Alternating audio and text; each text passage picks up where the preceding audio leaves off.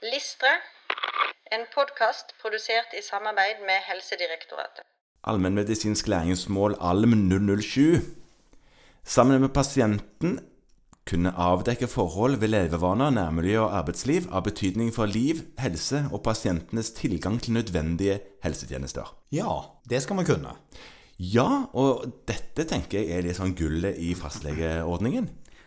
Ja, det er jeg enig i. Ja, Her kan du bli kjent med pasienten bak diagnosen som eh, melder seg. Ja, eller foran.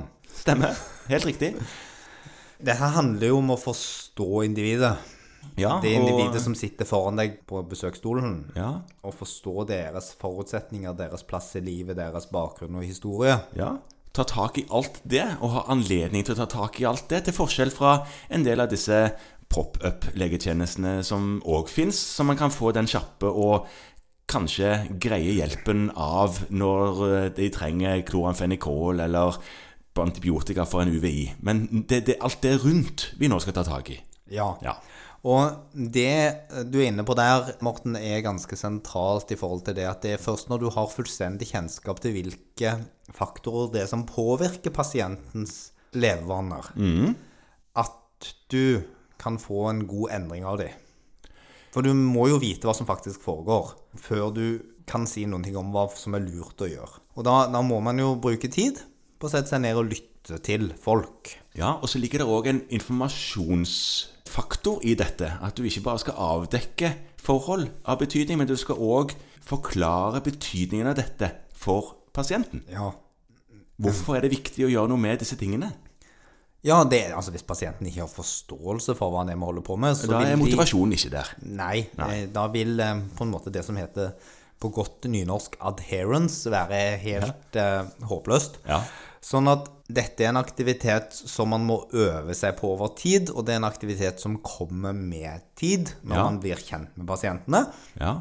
Det vil bli drøfta gode strategier for dette på kurs, og det vil bli tatt opp i veiledning. Og man må bruke tid på å øve seg og jobbe med det. ja, for det er, en, det er en overskuddsaktivitet i ditt fastlegeliv, egentlig, dette. Ja, Et sånn generelt råd som ofte gis ut, er jo å bruke god tid de første gangene man møter pasienten. Ja. Hvis man har mulighet. De fleste journalsystem har en sånn en eh, personalia-type side, hvor man kan fylle inn om de er gift, har de barn, hva de jobber med, om røykevaner og naturlige funksjoner, den typen ting. Det kan være en god idé å gjøre noe med den siden. Og sørge for at den er ordentlig utfylt, og at man vet bakgrunnen for det som står der, hvis den er det. Mm. Og de fleste pasienter er jo sånn som oss, ganske glad i å fortelle om seg sjøl.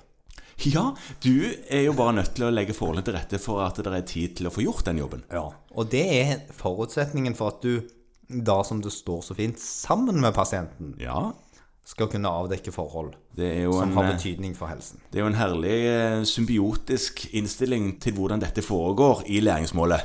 Ja, men altså jeg tror den er helt nødvendig. Ja, du kommer i alle fall mye lenger dersom du spiller på lag med pasienten og gjør det som Søren Kirkegaard sa en eller annen gangen, at man må møte pasientene der de er. Der kom den, ja.